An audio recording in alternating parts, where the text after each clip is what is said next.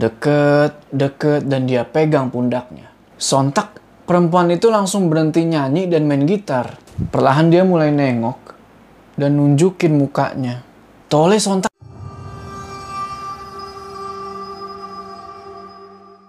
Assalamualaikum teman-teman, balik lagi sama gue Joe. Apa kabar kalian semua? Semoga kalian semua yang menonton video ini diberikan kesehatan, dilancarkan rezeki, dan selalu dimudahkan urusan urusannya dan selalu diberikan perlindungan dari wabah yang sedang melanda dunia saat ini. Ya jadi gue baru aja turun dari Gunung Ciremai dan bisa kalian lihat nih, gue gosong men. Kulit muka gue pecah-pecah karena gue lupa pakai sunblock. Jadi gue rainbow aja gitu nggak apa nggak ada perlindungan apa pun. Pakai lengan pendek ya nggak nggak pakai sunblock di muka. Beh nerjang matahari. Gosong lah gue jangan ditiru Oke, jadi di video kali ini gue akan ngebawain cerita dari Ed Balakarsa. Kalian pasti tahu dong siapa Ed Balakarsa yang punya cerita Harumah Meru, Diary Steve. Nah sekarang gue bakal ngebawain ceritanya dia tentang seorang pendaki yang mendaki ke Gunung Merbabu sendirian lewat jalur ilegal di malam Kabisat. Sebut aja nama pendaki ini adalah Tole. Bagi yang belum tahu malam Kabisat, malam Kabisat adalah malam yang terjadi setiap empat tahun sekali. Di mana di malam itu, bulan itu mancarin sinar yang agak berbeda Biasanya di malam itu bakalan banyak hal-hal nggak wajar yang kita jumpai. Malam itu juga dimanfaatin sama mereka yang punya hajat untuk berinteraksi dengan hal gaib. Karena intensitas gaib itu lagi gencar-gencarnya. Hampir sama dengan malam satu suro, namun beda interaksi. Banyak yang bilang malam kabisat itu cenderung sama hal-hal yang negatif. Karena waktu itu cocok untuk segala macam praktik untuk mencari ilmu pengasihan. Nah, apa aja yang bakal Tole temuin sewaktu dia mendaki ke Gunung Merbabu itu? Tonton video ini terus. Sebelumnya terima kasih kepada Ed Balakarsa yang sudah memberikan gue kesempatan buat ngebawain cerita ini. Jangan lupa, kalian mampir juga ya ke Twitternya Balakarsa, yaitu di Balakarsa. Karena di sana banyak banget cerita-cerita horor yang udah pasti nggak kalah seru. Oh ya, kalian yang suka sama baju gue nih, uh. gue taruh info kontak di deskripsi. Udah siap ya? Mode horor aktif. Kisah ini terjadi di kisaran tahun 2010-2012an lah. Pagi itu Tole bangun dia emang minggu itu lagi capek banget. Mikirin pekerjaan dan studi yang kayak nggak ada habis-habisnya. Dia terus pergi ke kamar mandi, buang air, nyuci muka, dan segala macem. Abis itu, dia balik lagi ke kamar, dan tiba-tiba... HP-nya geter. Ternyata itu dari temennya yang bilang, Bro, ke tempat biasa ya. Ini aku sama anak-anak di sini dia pun buru-buru ganti baju, nggak pakai mandi. Dan ngebawa semua yang diperluin, terus dimasukin ke dalam tas pinggangnya. Dan jalanlah dia ke tempat teman-temannya kumpul pakai motor. Singkat cerita, sampailah dia di lokasi. Temennya bilang, Bajindul, lama bener kamu bro ke sininya? Yo, sorry, aku tadi baru bangun. Alah, ya wis, kamu sibuk gak minggu depan? Wah, gak bisa aku. Aku mau ke Merbabu loh. Waduh, nanjak terus. Apa nggak capek? Biasa bro, udah biasa kok. Nanjak kapan? Malam kabisat. Ngedenger itu, sontak bagus langsung tepok jidat. Dia terus bilang, kamu ini nekat loh. Bulan sedang gak enak, posisi juga kabisat. Doakan saja aman tuh bro. Ya udah bro, terserah. Kata kakekku, kabisat itu lebih bahaya dari suro. Hati-hati aja, banyak wujud yang pasti akan kamu temui. Seketika, badannya Tole itu ngerasa panas dan merinding ngedenger ucapan temennya itu. Orang Jawa, terutama para pemuda kayak mereka ini, pasti akan was-was kalau ada pesan dari seseorang yang sepuh. Bagus terus nanya lagi, mau naik via mana bro? Tole jawab, via N bro. Tentu nama jalurnya bakal disamarin di sini ya. Sontak mukanya bagus, pucat, dan dia diam lumayan lama. Setelah itu dia bilang lagi, Kamu yakin? Itu jalur sepi dan ilegal loh. Aman bro, santai wae. Aku udah tahu treknya kok. Lagi-lagi suasana hening. Cuman kedengeran suara motor yang lalu lalang. Lalu, Bagus ngomong sesuatu yang bikin Tole jadi takut. Di sana banyak pendaki hilang. Terlebih juga pasti banyak demit dan wingit. Yakin kamu bro? Kamu nanjak pas kabisat loh. Dan via jalurnya kayak gitu. Tapi, ngedenger Bagus ngomong kayak gitu. Bukannya bikin Tole mundur. Dia malah semakin tertantang buat lewat jalur itu. Dia makin penasaran. Singkat cerita, malam harinya. Tole pun nyiapin segala sesuatunya buat pendakian itu. Termasuk bawa parang dan gitar kecil buat nemenin dia di sana nanti. Setelah semua udah siap, yang harus dia lakuin cuman menunggu pagi. Dan setelah pagi tiba, baru dia berangkat ke Gunung Merbabu itu. Pagi harinya, Tole pun berangkat dari kota S. Sebuah kota kecil yang bikin orang kangen dia numpang di truk sampai ke kota B. Kemudian ngelanjutin perjalanan dengan numpang mobil pickup pengangkut sayuran sampai ke dusun N. Nah, pas di pickup itu, dia ditanya nih sama ibu-ibu, Mas, mau ke mana? Mau ke Merbabu via S ya? Iya, via S ini adalah jalur favorit buat mendaki ke puncak Gunung Merbabu. Tapi, pas Tole bilang kalau dia mau lewat jalur N sendirian, sontak ibu itu kaget. Ibu yang bernama Rukmini itu terus nanya, Mas, serius kamu mau naik lewat situ sendirian? Tole pun cuman senyum dan ngangguk. Singkat cerita, akhirnya sampailah dia di Dusun N. Dusun yang masih asri dengan kearifan lokal. Penduduk di situ rata-rata berprofesi sebagai petani dan peternak sapi perah. Emang, jalur N itu jalur yang jarang diminati sama pendaki karena aksesnya yang lumayan sulit dan juga treknya itu lumayan terjal. Mungkin lebih ngeri daripada jalur-jalur merbabu lainnya. Pendakian dilakukan Tole pas pergantian musim hujan. Karena itu, hujan badai dan kepleset karena jalur yang licin menjadi ancaman. Sebab itulah disaranin buat para pendaki yang mau mendaki ke Gunung Merbabu buat lewat jalur-jalur resmi supaya keselamatan lebih terjamin. Tole pun jalan menuju ke pos pendaftaran selama kurang lebih satu jam. Jalannya cukup terjal dan berbatu. Mungkin karena jalur pendakian sepi dan ilegal. Jadi belum terjamah sama pembangunan pemerintah. Tole terus nanya-nanya sama penduduk sekitar. Arah menuju ke base camp N. Ya mau gimana? Dia baru pertama kali lewat jalur itu. Akhirnya dia pun diarahin ke sebuah rumah. Rumah yang agak berjauhan dari rumah-rumah penduduk lain. Tole pun tiba dan masuk ke rumah itu sambil ngucap salam. Dan dijawablah sama pemilik rumah itu yang ternyata adalah penjaga jalur N. Bapak penjaga itu terus nanya, Mau naik mas? Iya pak. Temannya mana? Saya sendirian pak.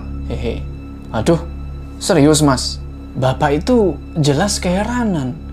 Karena beliau baru pertama kali ngeliat ada orang sendirian mau mendaki lewat jalur itu. Tole pun nanya, sebelumnya mohon maaf pak, ada apa di atas? Hahaha, ya adanya cuman alas merbabu Thomas. Monggo isi buku tamu dulu. Tole terus ngebuka buku tamu itu. Dan dia kaget buku tamu bapak itu baru keisi setengah. Dan buku itu kelihatannya nggak ganti-ganti, mungkin udah puluhan tahun. Yang artinya, kalian ngerti kan? Jarang banget ada orang yang lewat jalur itu. Tole ngeliat, ada satu tim yang suka banget lewat jalur itu. Yaitu sebuah tim Mapala yang nama timnya nggak bisa gue sebutin. Bapak itu cerita, kalau tim Mapala tersebut suka pakai jalur N buat pendidikan dan pelantikan anggota dan kadang kegiatan sosial. Dari situ udah dipastiin kalau Tole bakal bener-bener sendirian karena cuman dia aja yang naik hari itu. Setelah ngisi buku tamu, Tole pun ngobrol-ngobrol sedikit tentang sejarah desa itu. Singkat cerita, setelah Tole ngobrol-ngobrol sama bapak itu, perutnya Tole bunyi. Ya, dia kelaparan. Bapak itu pun mempersilahkan Tole buat mesen makanan. Dan bapak itu nggak matok biaya. Intinya, menggunakan sopan santun yang sesuai di saat bertamu. Karena nggak enak, akhirnya Tole pun pamit dan minta izin buat mendaki siang itu juga.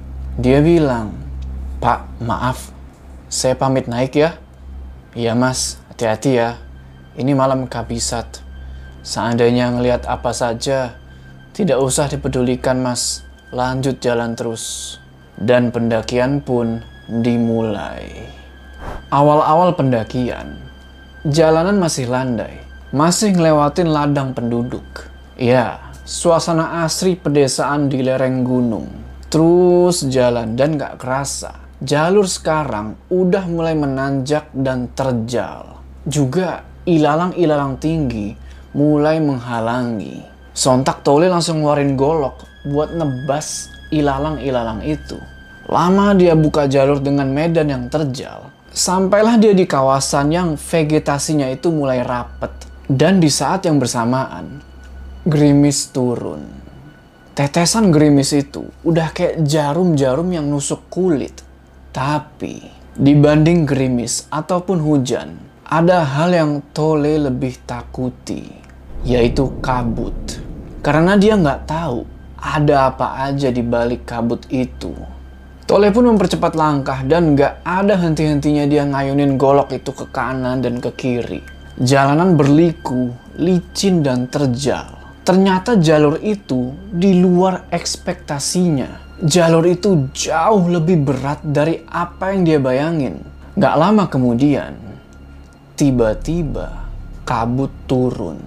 Hal yang ditakutin Tole akhirnya muncul juga. Karena kabut itu, Tole jadi nggak bisa ngelihat jalur dengan jelas. Ditambah lagi, karena itu bukan jalur resmi, dia agak was-was kalau nanti ketemu hewan buas. Dia terus jalan pelan-pelan sampai ada pohon yang lumayan besar. Dan dia berpikiran buat ngedirin tenda di sana. Dan juga nggak terasa kalau sebentar lagi mau masuk waktu maghrib.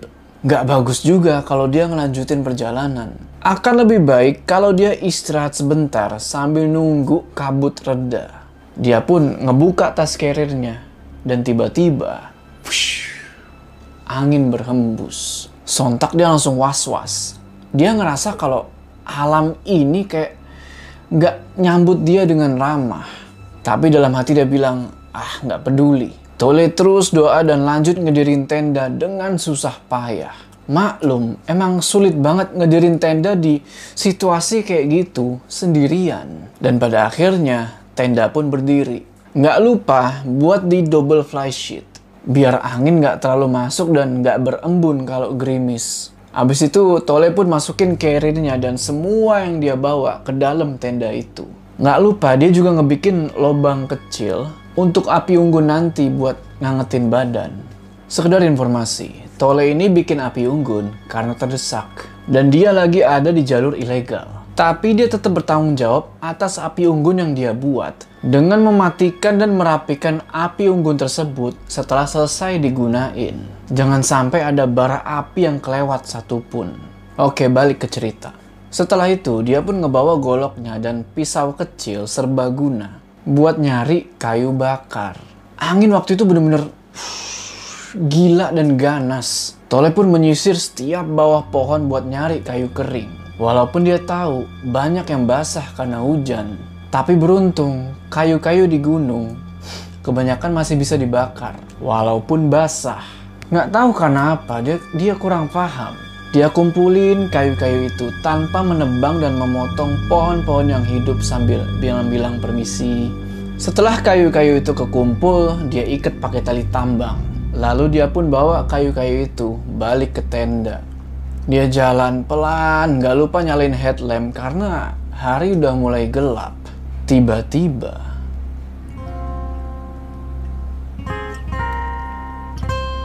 ada suara gitar dan juga ada suara wanita yang nyanyi pakai bahasa Jawa dan suara itu tepat berasal dari tendanya Tole. Siapa perempuan yang berkidung dengan lantunan gitar di tengah hutan kayak gitu?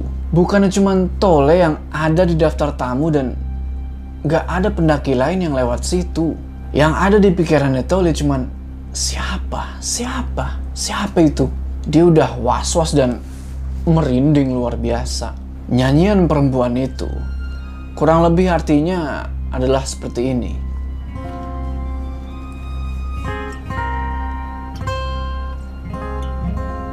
Semakin berdiri bulu kuduknya Tole ngedenger itu. Itu adalah tembang Durma. Dia cuma bisa diem. Dia ragu mau maju atau mundur. Dan pas dia lihat dengan jelas ke arah tendanya dia, dia kaget bukan main. Ternyata udah ada tenda lain berdiri di samping tendanya dia.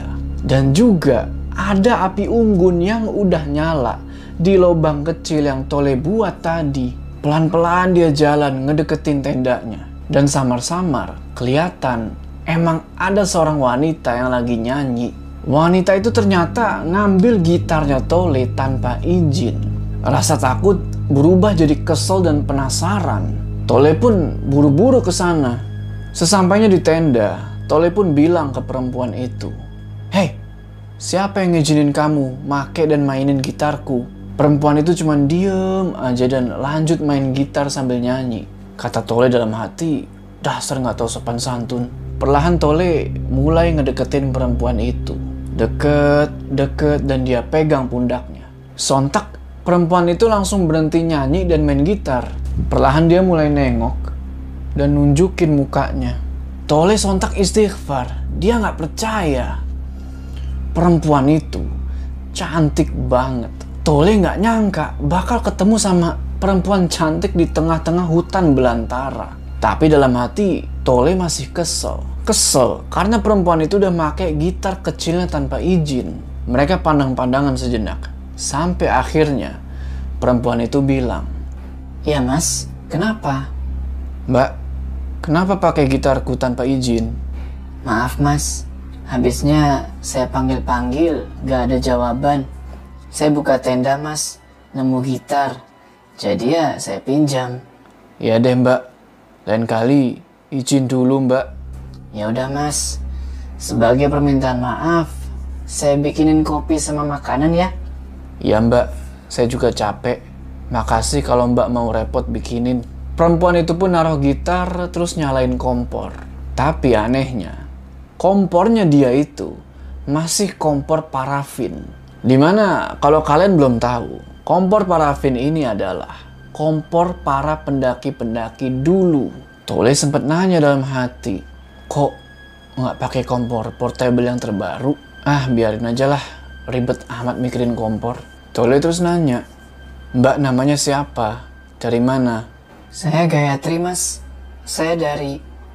Kalau mas, Saya Tole mbak. Saya nomaden, hehe.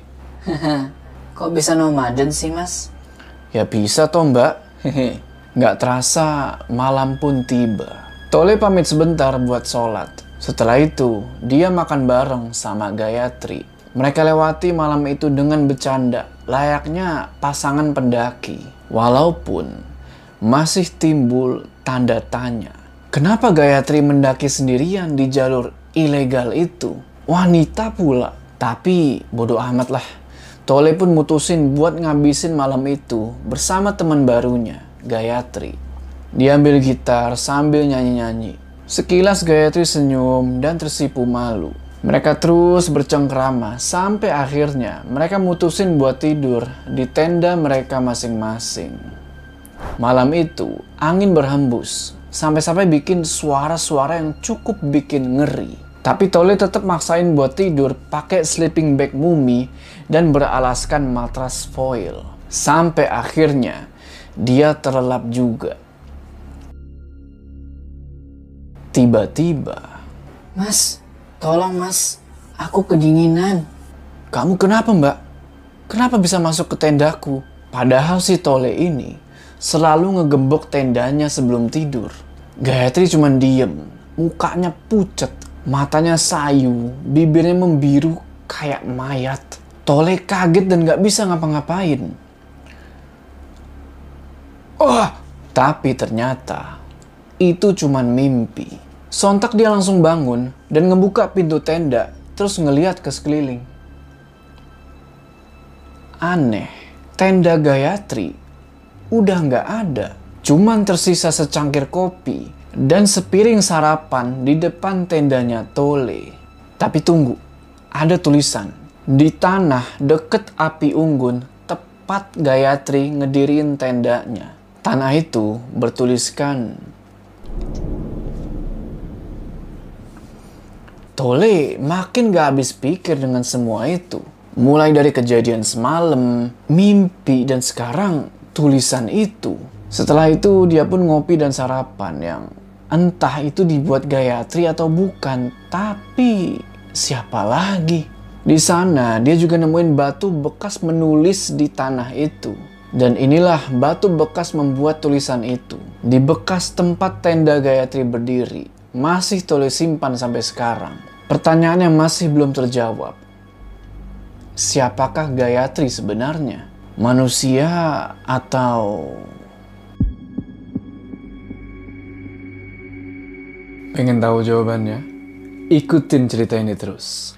Sebelum kita berpisah, jangan lupa kalian like video ini dan bagi yang belum subscribe, ayo subscribe sekarang ke channel ini supaya kalian gak ketinggalan part selanjutnya dari cerita ini. Gua Jo, sampai ketemu di part selanjutnya.